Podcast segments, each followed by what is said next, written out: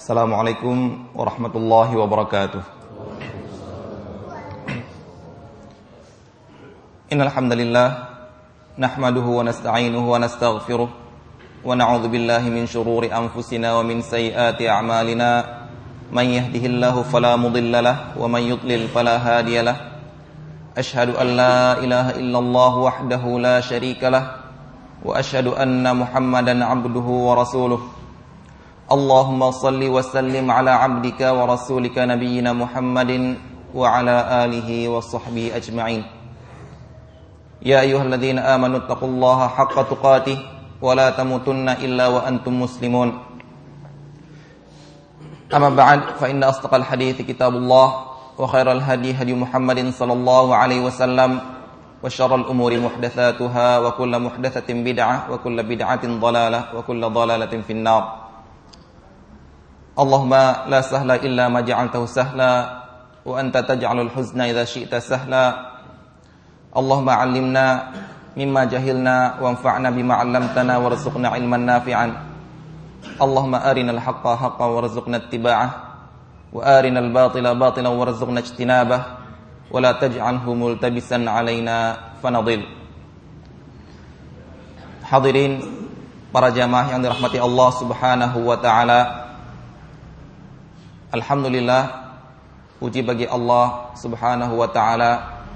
Kemudian rasa terima kasih saya pribadi kepada para jamaah dan para panitia pelaksana pengajian pada hari-hari ke depan ini yang telah mempertemukan kita di atas al-iman yang telah mempertemukan kita di atas at-tariqah jalan yang satu jalan yang ditempuh oleh para sahabat.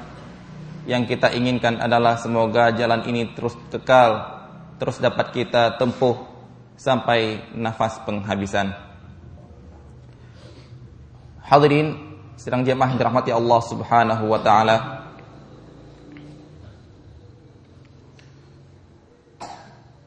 Pada ceramah ini saya ingin membawakan sebuah kisah nyata yang saya alami pribadi ketika kita hendak melakukan ibadah haji setelah tawaf dan sa'i yaitu melakukan umroh kita sedang duduk-duduk di depan Masjid Haram. Saya dengan teman saya. Tiba-tiba datanglah dua orang orang berkebangsaan Saudi Arabia mendekati kami dan bertanya Assalamualaikum Waalaikumsalam Kemudian dia bertanya Dari Indonesia? Iya Bagaimana kabar Indonesia? Saya bilang baik-baik saja. Kemudian dia tanya, bagaimana kabar imannya Indonesia? Padahal hati saya ini, ini pertanyaan aneh. Saya bilang, ya iman alhamdulillah juga baik-baik saja.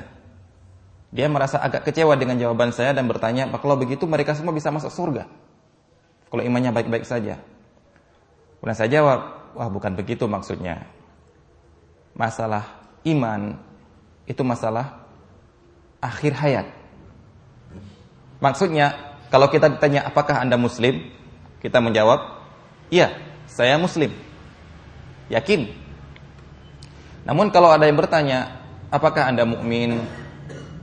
Maka jawaban yang disyariatkan kepada kita adalah kita mengatakan saya mukmin insya Allah.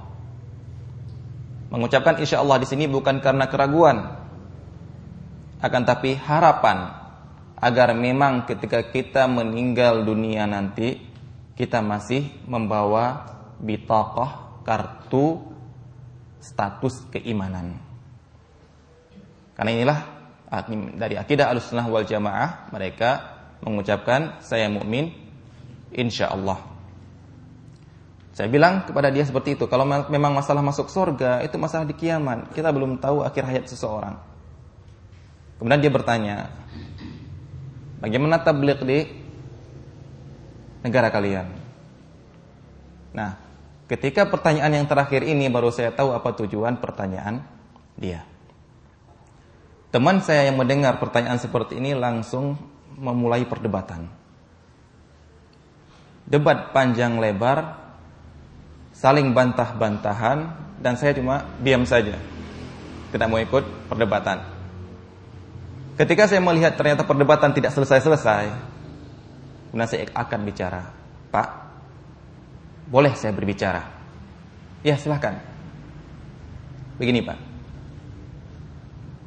saya tidak mengenal Anda.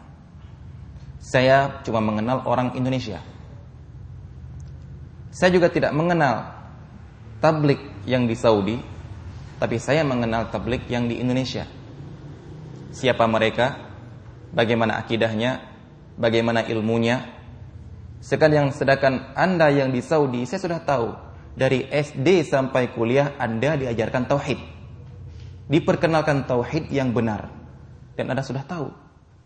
Sedangkan kita di Indonesia tahu sendiri di negara apa. Bagaimana mereka mendapatkan ilmu agama? Sedikit sekali. Nah, dan juga Anda tolong pahami saya.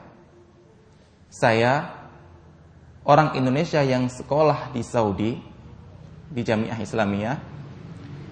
Ini ijazah yang kami bawa pulang itu nggak berlaku di Saudi ya, yang tidak berlaku di Indonesia. Maksudnya dengan ijazah ini kami tidak bisa melamar kerja di perusahaan. Dengan ijazah dari Jamiah Islamiyah, kami tidak bisa masuk kerja di bank.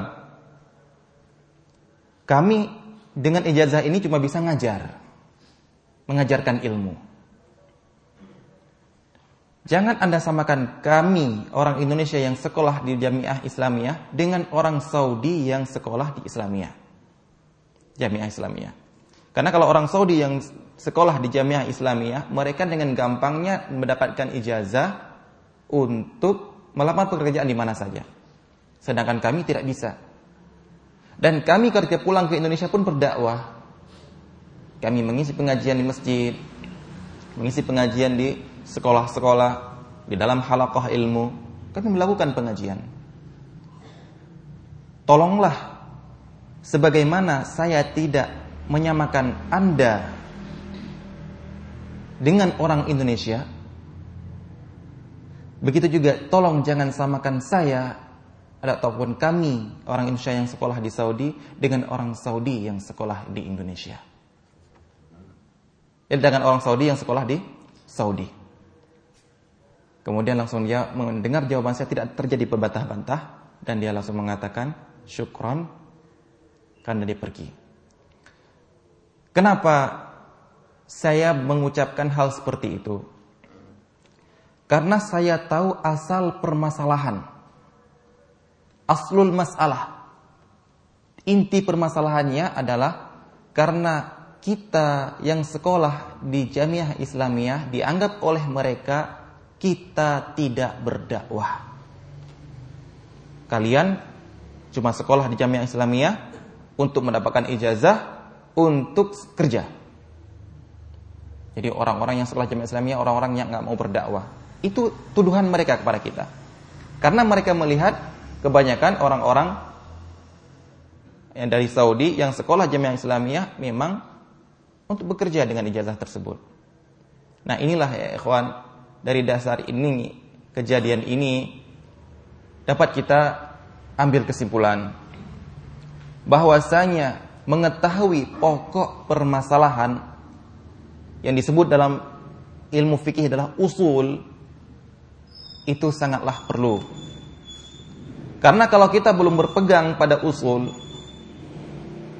kita cuma tahu ranting-ranting masalah, maka apabila ada permasalahan di ranting, kemudian yang kita pecahkan cuma masalah itu saja, maka akan muncul ranting baru maka akan muncul tunas baru yang sehingga cuma menyibukkan kita untuk memangkas tunas-tunas sedangkan akarnya masih tumbuh. Inilah yang perlu sangat kita pahami. Karena jangan sampai kita beragama ataupun berpegang teguh pada sunnah yang disebut dengan musiman. Sekarang ada kejadian apa? Oh sekarang kejadian perdebatan antara Syekh Fulan dengan Syekh Fulan. Sehingga kita menjadikan perdebatan ini adalah seakan-akan intinya agama. Intinya manhaj. Sehingga dengan inilah kita mengetes orang. Apa pendapat kamu terhadap Syekh Fulan? Apa pendapat kamu terhadap Syekh Fulan? Begitu selesai masalah, ada Syekh yang mendamaikan, selesai masalah, selesai tidak ada lagi tes manhaj dengan kejadian Syekh Fulan. Cari persoalan lain. Apa pendapat kamu tentang yayasan Fulan? Apa pendapat kamu tentang yayasan ini? Jadi sekarang mana dasar kita dalam agama? Mana dasar kita dalam menetapkan seseorang ini alus sunnah, ini bukan alus sunnah? Apakah gara-gara musiman saja? Apakah gara-gara kejadian saja? Apakah gara-gara ada fatwa saja? Jangan. Karena ini bisa terdapat kasus-kasus baru akan muncul setiap tahun ataupun waktu-waktu ke depan. Tapi berpegang teguhlah pada dasar agama ini. Di antaranya yang dapat kita lihat adalah kisah Abdul Aziz Al-Makki ketika perdebatan beliau dengan Bishir Al-Marisi yaitu di zaman Khalifah Al-Ma'mun Perdebatan ini sangatlah terkenal sehingga ditulis sebuah kitab yang khusus tentang perdebatan ini yang dinamakan kitab Al-Haidah wal Ya'tidhar. Al-Haidah itu adalah ngeles. Bahasa Jawanya ngeles. Yaitu kalau ditanya suatu hal jawabnya ngacau ke arah ke arah arah lain. Ini beliau tulis gara-gara perdebatan yang terjadi di hadapan Al-Ma'mun. Kebanyakan Bishir Al-Marisi itu lari dari jawaban. Nah, sebelum perdebatan terjadi ketika diperbolehkan oleh Abdul Aziz uh, Al-Ma'mun, perdebatan Abdul Aziz dengan Bishir Al-Marisi dan perdebatan ini perdebatan tentang ucapan Al-Qur'an itu makhluk pada saat pada zaman itu ahlul bid'ah sedang kuat-kuatnya dan berhasil menguasai kerajaan khalifah raja eh, rajanya khalifahnya berhasil dipengaruhi sehingga menyebarkan pemahaman Al-Qur'an itu makhluk. Siapa yang tidak mau bicara mengatakan Al-Qur'an makhluk mungkin dipenjara, mungkin juga dibunuh. Nah, qadarullah ketika Abdul Aziz Al-Makki datang dari Mekah ke Irak, itu ketika itu khalifah berada di Irak, beliau tidak dipenjara dan juga tidak dibunuh, tapi malah dipersilahkan untuk berdebat dengan Bishir Al-Marisi. Ketika hendak terjadi perdebatan, Abdul Aziz Al-Makki meminta satu pertanyaan, "Ya Khalifah, ya Amirul Mukminin, Sebelum kami berdebat, kami ingin, saya ingin memfokuskan perdebatan kita pada suatu hal yang kita sepakati. Yaitu Al-Quran. Al-Quran. Karena kenapa cuma beliau mengatakan Al-Quran saja? Karena mereka ma'ruf alul bid'ah yang sedang dihadapi kalau dibawakan hadis-hadis, mereka akan menolak dengan dalil hadis ahad. Oke, beliau setuju. Kalau begitu tidak usah pakai hadis. Kita berdebat dengan dasar Al-Quran. Kalau terjadi perdebatan, karena perdebatan kita ini adalah cabang. Kita ingin kembali kepada asal yaitu Al-Quran. Kemudian beliau pun mengatakan lagi, dan saya inginnya berdebat bukan dengan pemahaman Al-Quran, tapi dengan nas Al-Quran. Yang sebenarnya diinginkan oleh Abdul Aziz Al-Makki adalah wahai Bishr Al-Marisi, mana dari Al-Qur'an yang mengatakan datang satu ayat saja bahwa Al-Qur'an itu makhluk. Adapun paham-paham-paham ini bisa kamu selewengkan pemahaman Al-Qur'an. Bisa kamu takwil pemahaman Al-Qur'an. Tapi saya ingin bertanya mana dari Al-Qur'an yang mengatakan bahwa bahwa di dalam nas Al-Qur'an ayat Al-Qur'an bahwasanya Al-Qur'an itu makhluk. Dari kejadian ini dapat kita pahami bahwasanya perdebatan ataupun uh, dialog dalam satu masalah itu harus dikembalikan ke dalam suatu dasar hukum yang disepakati. Kalau kita sepakat dalam Al-Quran dan As-Sunnah, mari kita berbicara dalam masalah ini kembalikan kepada Al-Quran dan As-Sunnah. Kalau kita sepakat dalam suatu fitrah fitrah. Apakah boleh kita berdebat dalam uh, dengan bersatu dengan mengembalikan kepada fitrah? Boleh. Itu dengan orang-orang yang tidak beriman kepada Al-Qur'an. Itu orang-orang kafir. Rasulullah wasallam mengajak mereka ketika untuk beriman dengan membuka fitrah mereka. Lihat, patung kalian tidak berbicara, patung kalian tidak mendengar Ya. Kalian sudah mengakui bahwa Allah yang menciptakan, Allah yang memberikan rizki, Allah yang mengatur alam ini. Mengapa kalian tidak menyembahnya semata? Ini membuka fitrah. Karena kalau ingin berdalih dengan Al-Quran, mereka belum beriman kepada Al-Quran. Nah, sedangkan orang Islam itu memang sudah harus beriman dengan Al-Quran. Harga mati. Maka seorang syekh yang mengajar saya fikih muamalat, dia menceritakan pernah dia ditanya oleh seorang apa tujuan diharamkannya riba? Tolong jawab dengan akal, jangan dengan Al-Quran dan Sunnah. Ya, pertanyaannya seperti itu. Ya seakan-akan riba itu katanya, ya mungkin seperti akal-akalannya orang Yahudi, innamal bay'u mithlur riba, kami melakukan riba kenapa? Karena namanya jual beli ya seperti riba juga. Tapi Allah membantahnya, langsung mengatakan Allah tidak membantah dengan wah yang, yang namanya riba seperti ini, yang namanya jual beli seperti ini. Langsung Allah mendatangkan sebuah dalil yang memisahkan antara riba dengan jual beli. Wa halallahu al-bai'a wa harrama riba. Selesai. Jual beli itu halal, riba itu haram walaupun menurut kalian hampir sama.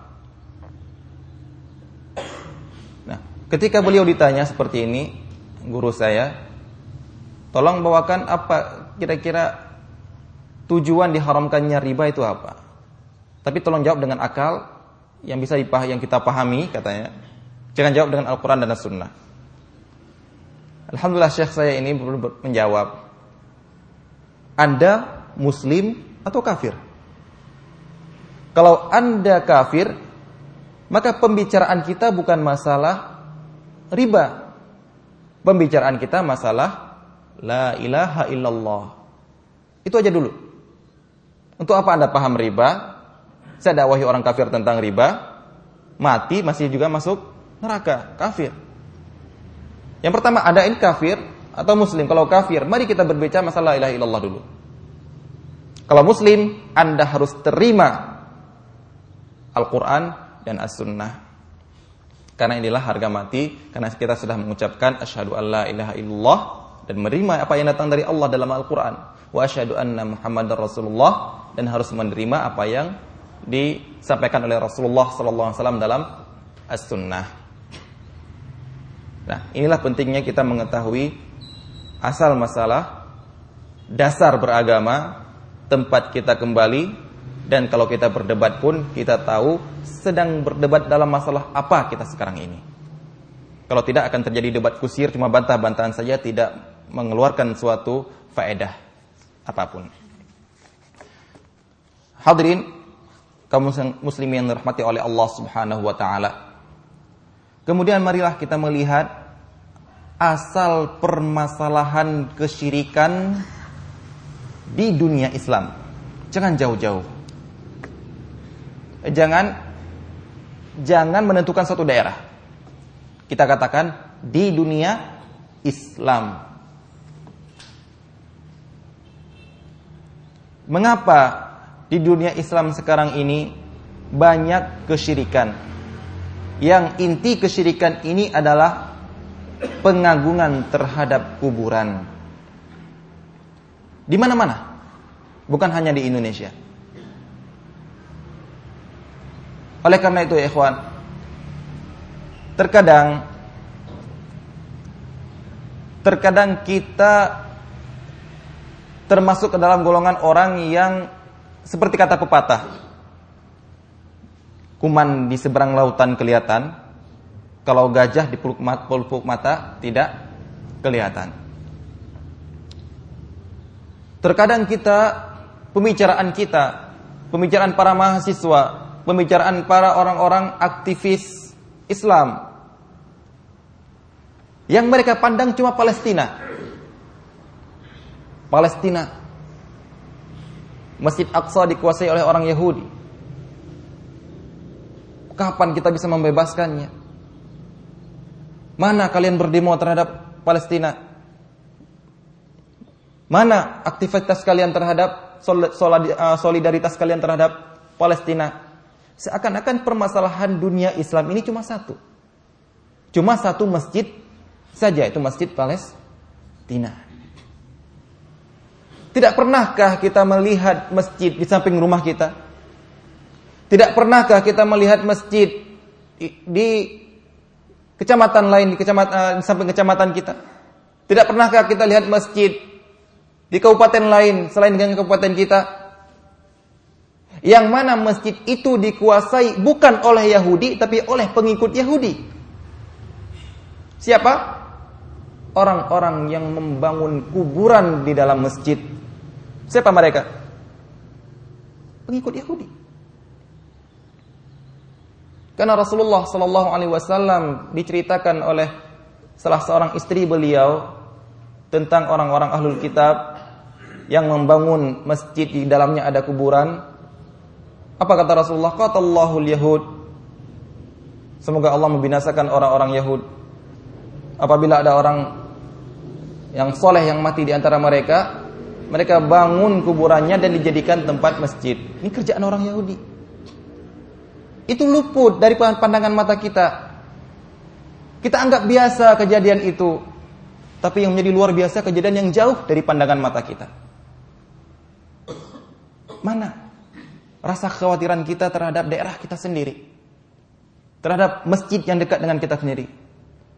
Mana rasa semangat kita kepada agama Islam untuk membantah kegiatan orang-orang yang mengagungkan kuburan memasukkannya ke dalam masjid ataupun menjadi kuburan sebagai kiblat masjid ataupun membangun masjid di atas kuburan ataupun melakukan ritual-ritual khusus di kuburan setiap waktu tertentu. Ini adalah orang-orang pengikut Yahudi. Kita sekarang ribut masalah penghinaan kepada Rasulullah.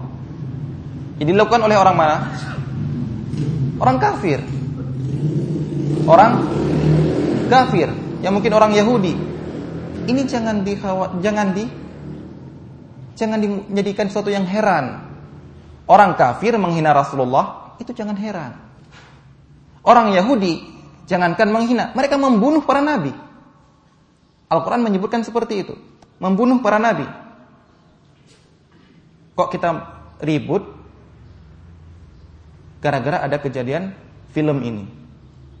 Kalau kita baca Al-Quran setiap hari, bahwasanya orang-orang Yahudi membunuh para nabi, kok kita diam?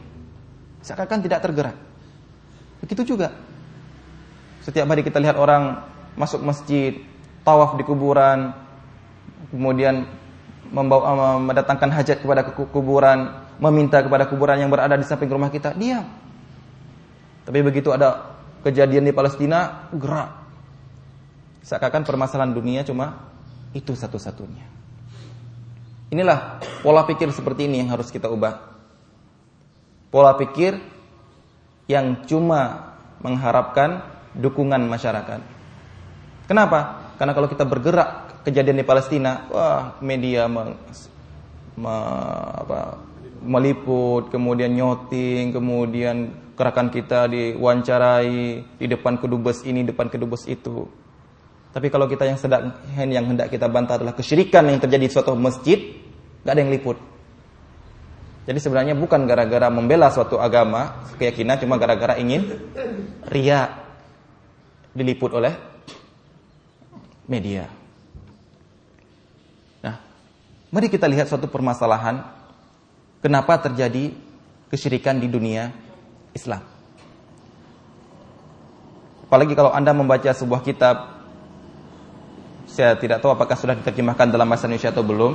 Itu judulnya Dam'atun 'ala Tauhid. Judulnya adalah tetesan air mata di atas tauhid. Ini buku bukan ditulis oleh para ulama. Buku ditulis oleh para wartawan. Wartawan Timur Tengah. Mereka sedang menulis buku melihat fenomena yang terjadi di alam islami. Mereka datang dari ujung timur sampai ke ujung barat, dari Afrika, daerah-daerah Maroko, Tunisia, Afrika, Senegal, kemudian daerah Timur Tengah, Suria, Lebanon, kemudian ke arah uh, yang lain, uh, Pakistan, Afghanistan, Bangladesh, mengumpulkan tempat-tempat kuburan yang dijadikan sebagai tempat peribadatan dan membawakan kisah-kisah yang ajaib. Bagaimana di suatu tempat ada kuburan banyak? Kenapa banyak? Karena masing-masing ada fungsinya. Kalau mau mendapatkan anak ke sini mintanya. Kalau mau mendapatkan istri ke sini mintanya. Kalau mau mendapatkan harta ke sini mintanya, ke sini mintanya. Ajaib. Bahkan ada kisah di antara mereka yang mengatakan bahwasanya ketika sebuah kuburan hendak dibongkar gara-gara ada perluasan jalan itu terjadi di Mesir. Dibongkar, ternyata ketika dibongkar sudah siap-siap bongkar mau memindahkan mayat ini ke tempat lain. Ternyata nggak ada mayatnya. Kenapa? Karena ini cuma kuburan yang dibuat-buat agar orang berziarah ke situ, meminta ke situ, yang mendapatkan untung siapa? Para juru kunci. Ketika dibongkar ternyata nggak ada isinya, tapi yang disebarkan ke masyarakat apa? Oh, ketika kami bongkar tadi ada sebuah lubang kecil yang menuju ke kuburan Badawi. Oh, berarti Syekh ini sedang ziarah ke sana. Jadi kisah-kisah yang sangat aneh. Nah, dibawakan kisah siapa pertama sekali yang melakukan ini? Siapa pertama kali yang, menyuburkan kegiatan ini? Yang membangun kuburan ini siapa pertama sekali? Dibawakan semua kisah-kisah tersebut. Wartawan. Kita jadi permasalahan kitab ini bukan sedang membicara masalah hukumnya tapi kejadian-kejadian. Yang ini merupakan suatu tetesan air mata yang patut kita teteskan. Kita tangisi tentang fenomena umat Islam di dunia. Apa titik permasalahannya? Titik permasalahannya dalam adalah dalam inti akidah mereka. Kalau kita bilang Kalian ini tidak bertauhid ya? Kalian melakukan perbuatan seperti ini. Maka mereka akan menjawab, kami bertauhid. Ternyata permasalahannya bukan tidak bertauhid. Permasalahannya adalah tauhid apa yang kalian yakini.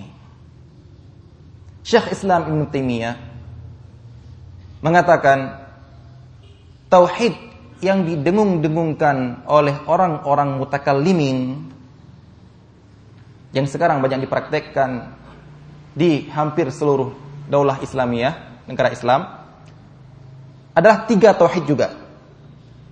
Jadi mereka juga punya tiga tauhid, seperti yang juga kita pelajari, cuma beda jenisnya. Yang pertama, tauhidullah fi dzatihi la qasimalahu. Yang yaitu mentauhidkan Allah dalam zatnya dan zat Allah ini tidak boleh tidak ada pembagiannya. Itu arti, arti secara letterlocknya seperti itu. Yang kedua, tauhidullah fi sifatihi la syabiha lahu.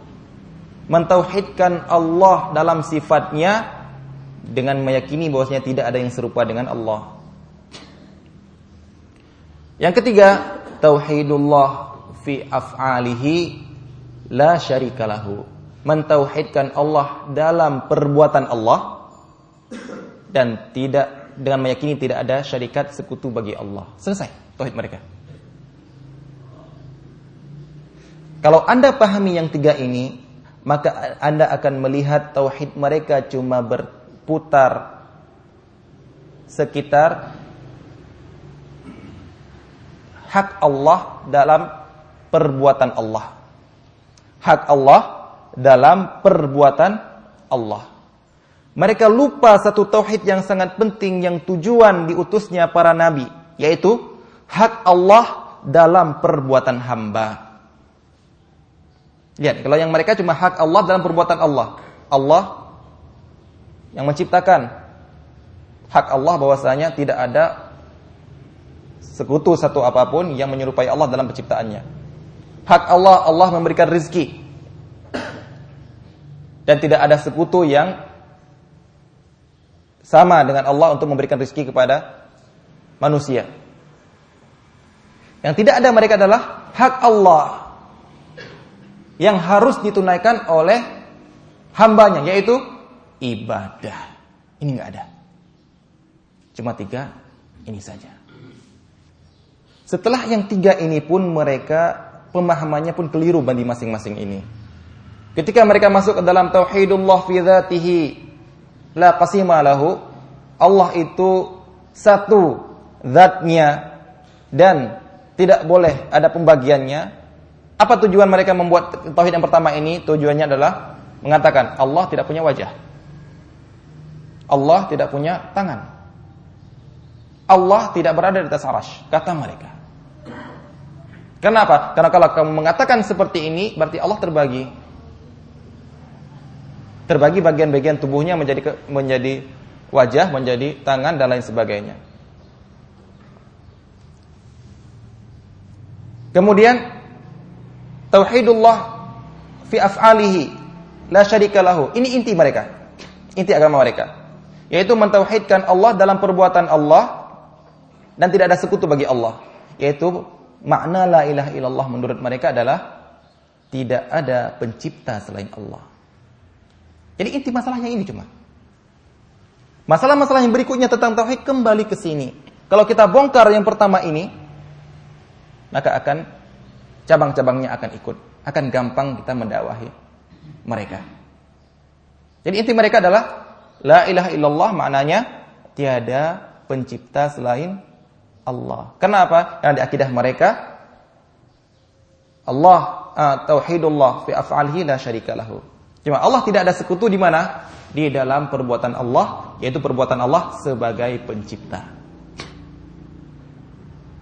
Sedangkan yang kedua, tauhidullah, mentauhidkan Allah dalam sifat-sifat Allah dan tidak boleh ada yang serupa dengan Allah, inilah juga inti pendidikan mereka. Kalau Anda tidak percaya, maka silahkan tanya bagi orang-orang yang belajar di pondok-pondok pesantren yang menganut pemahaman ini, maka pertama sekali mereka mengajarkan Anda tauhid apa? Sifat 20. Selesai itu, maka Anda sudah bertauhid. Cuma diajarkan Anda sifat 20 kemudian Anda bisa menghafal bukan sifat 20, sifat 50. Yaitu sifat wajib bagi Allah 20, sifat mustahil bagi Allah 20, sifat jaiz bagi Allah 1, 40, 1. Sifat wajib bagi Rasul 4, sifat wajib non mustahil bagi Rasul 4, sifat jaiz bagi Rasul 1. Jumlahnya 50 semuanya. Anda sudah paham ini? Anda bisa menghafal, Anda bertauhid. Ibadah melakukan apa saja, Anda sudah bertauhid. Apa intinya? Intinya gara-gara menurut mereka tauhid cuma yang tiga ini saja. Mereka lupa satu poin yang sangat penting yaitu tauhid uluhiyah, mentauhidkan Allah bukan dalam perbuatan Allah. Kalau mentauhidkan Allah dalam perbuatan Allah, itu sudah diakui oleh orang musyrik. Mereka mengakui bahwa Allah pencipta, Allah yang memberikan rizki, perbuatan Allah. Tapi yang diinginkan adalah mentauhidkan Allah dalam perbuatan kita sebagai hamba, yaitu hanya beribadah kepada Allah Subhanahu wa taala semata. Nah, kita, kalau kita bongkar tiga intinya ini, maka kita akan gampang untuk membuka hati kita untuk menerima ajaran Rasulullah sallallahu alaihi wasallam. Hadirin uh, para jamaah yang dirahmati oleh Allah Subhanahu wa taala. Ini inti permasalahan kita ataupun yang terjadi di negara Islam dalam masalah ibadah. Sehingga mereka melalaikan ataupun menganggap yang namanya ziarah kuburan, yang namanya membangun kuburan, yang namanya tawaf di kuburan itu tidak tidak bertentangan dengan tauhid. Karena mereka tidak meyakini tauhid ibadah. Cuma tauhid yang tiga ini saja. Baik. Kemudian berikutnya adalah pokok permasalahan antara ahlus sunnah wal jamaah dengan ahlul bid'ah dalam masalah asma wa sifat. Dalam masalah asma wa sifat. Ahlus sunnah wal jamaah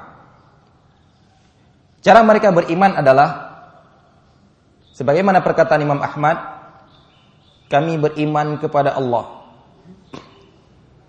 Dan apa-apa saja yang datang dari Allah, itu wahyunya. Sesuai dengan keinginan Allah. Dan kami beriman kepada Rasulullah. Dan beriman apa saja yang datang dari Rasulullah sesuai keinginan Rasulullah. Ini adalah secara global. Kalau kita sudah mau memegang ini, mau memegang ini, apa pun dalil dari Rasulullah, sami'na wa ata'na. Ya akhi, ada dalil seperti ini. Ada dalil bahwasanya Allah Subhanahu wa taala pada hari kiamat nanti akan memenuhi neraka dengan makhluk dengan orang-orang yang bermaksiat. Ketika neraka tidak penuh-penuh juga, Allah memasukkan kakinya ke dalam neraka. Ada hadis seperti ini. Hadisnya saya atau tidak?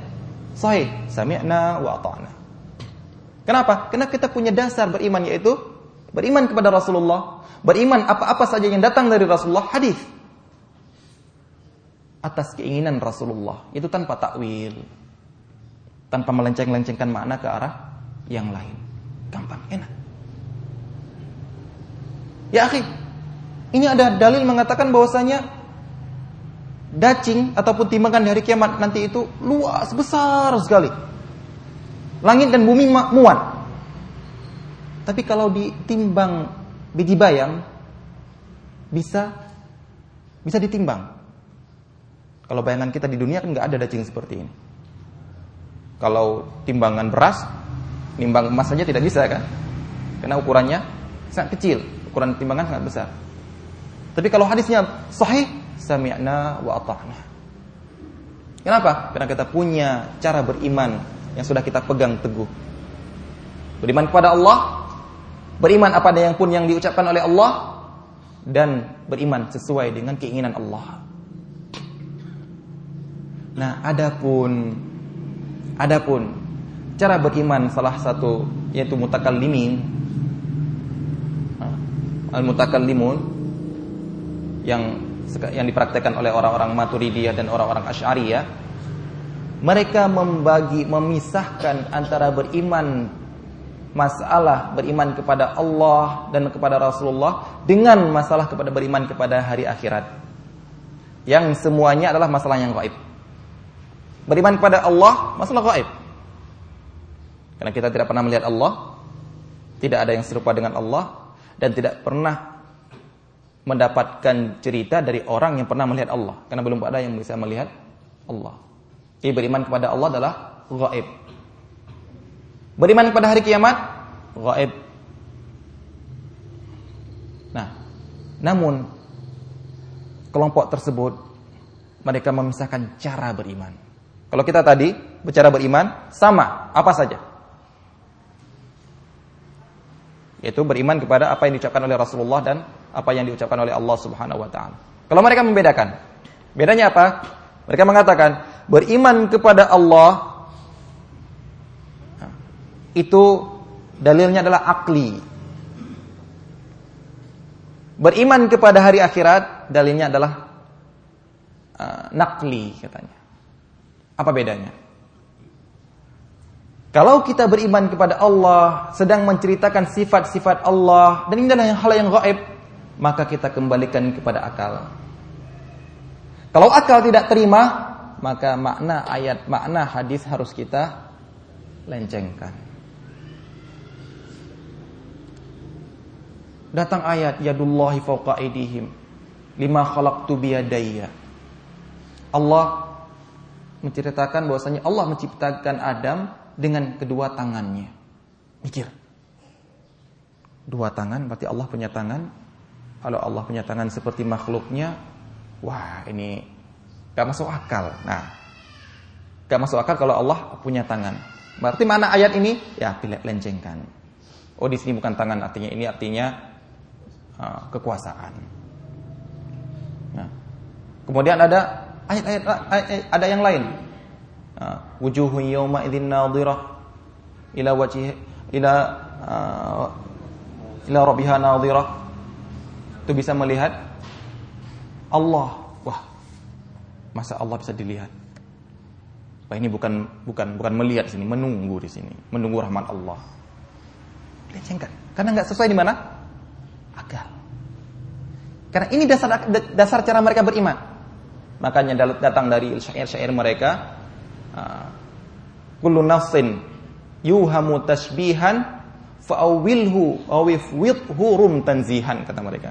Semua nas yang di dalamnya ada seakan-akan menyerupakan Allah dengan makhluknya maka silahkan lencengkan maknanya agar kamu bisa mensucikan Allah.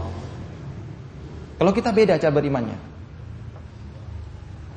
Kalau memang ada datang nas bahwasanya Allah punya sifat ini, punya sifat itu, maka kita caranya adalah mengembalikan. Oh Allah punya sifat, punya tangan, maka tangan Allah sesuai dengan keagungan Allah. Bagaimana? Saya tidak tahu. Sebagaimana Allah punya ilmu, maka sesuai dengan keagungan Allah. Allah punya mahabbah, rasa cinta, sesuai dengan keagungan Allah. Allah punya iradah, Allah punya kudrah, Allah punya pendengaran sesuai dengan keagungan Allah Subhanahu wa taala. Serahkan semua kepada Allah. Mereka tidak. Bawakan ke akal dulu, nggak masuk akal. Ayatnya yang dilencengkan, hadisnya yang dilencengkan. Yang sebenarnya yang mereka harus lakukan adalah akal mereka yang harus dilencengkan. Ini di mana mereka beriman seperti ini di dalam masalah uluhiyat, yaitu masalah beriman kepada Allah. Beda halnya dengan cara mereka beriman kepada hari kiamat. Semuanya tidak akan dimasukkan ke dalam akal, semuanya diserahkan kepada nakal, diserahkan kepada nas. Buktinya cuma ada berdialog dengan mereka. Ada berdialog dengan mereka, mereka mendapatkan dalil bahwasanya namanya sirat di hari kiamat nanti itu katanya tipisnya seperti rambut di belah tujuh. Tajamnya lebih tajam daripada pedang. Tapi orang beriman bisa lewat seperti kilat. Masuk akal nggak? Kalau kita masukkan akal, masuk akal nggak? Enggak. Tapi mereka mau menerima. Kenapa? Ya akhi, kalau masalah hari kiamat, sami'na wa ta'na. Kenapa? Nakli. Kembalikan semuanya kepada nas. Oh hari kiamat nanti matahari dekat satu jengkal. Yang menurut orang astronomi zaman kita sekarang ini kalau matahari mendekati ke bumi saja satu senti kata mereka, nggak tahu nyatanya, bumi akan terbakar. Menurut astronomi ilmu pengetahuan, hari kiamat satu jengkal, nggak terbakar manusia. Mereka jawab apa? Ya ini hari kiamat. Hari kiamat harus kita serahkan pada dalil. Jangan diakal-akali. Kapan ini? Di hari kiamat. Tapi giliran beriman kepada Allah, masukkan akal dulu. Gak masuk akal, Al-Qur'annya yang dilencengkan. Hadisnya yang dilencengkan. Tapi kalau hari kiamat, langsung, wah, sami'na wa ta'na. Inilah cara pola pikir mereka, cara beriman mereka, mereka pisah-pisahkan, mereka sesuai hawa nafsu mereka. Sedangkan kita beriman apa saja yang datang dari Allah. Baik itu hal gaib, masalah keimanan, ataupun hal syariat, masalah hukum, hukum ibadah, hukum-hukum Islam, hukum-hukum muamalat, dan lain sebagainya. Inilah ya ikhwan. Inilah ya ikhwan. Uh, hukum-hukum asal yang ingin saya membuka ya karena alhamdulillah memang saya tahu di sini memang pengajian alhamdulillah terus ada ada ustadz yang bisa yang mengajar banyak orang yang ingin menuntut ilmu. Saya cuma ingin membuka wawasan kita. Marilah kita memahami agama ini dari dasarnya. Kalau salah di dasar, cabang-cabangnya akan salah. Kalau kita benar di dasarnya, cabang-cabangnya akan benar. Kalau kita berdebat di dalam masalah dasar, maka cabang-cabangnya akan ikut. Tapi kalau kita sibuk berdebat masalah di cabang-cabang, memangkas cabang yang rusak, maka akan muncul cabang baru yang juga akan rusak. Baik. Jadi inilah uh, pembukaan wawasan saya tentang bagaimana fenomena berimannya orang-orang di uh, mutakallimun. Ya, mereka beriman membagi-bagi iman sesuai dengan keinginan mereka, cara-cara beriman sesuai dengan uh, keinginan mereka. Hanya ini saja dapat saya sampaikan. Semoga bermanfaat bagi kita semua. Wassalamualaikum warahmatullahi wabarakatuh.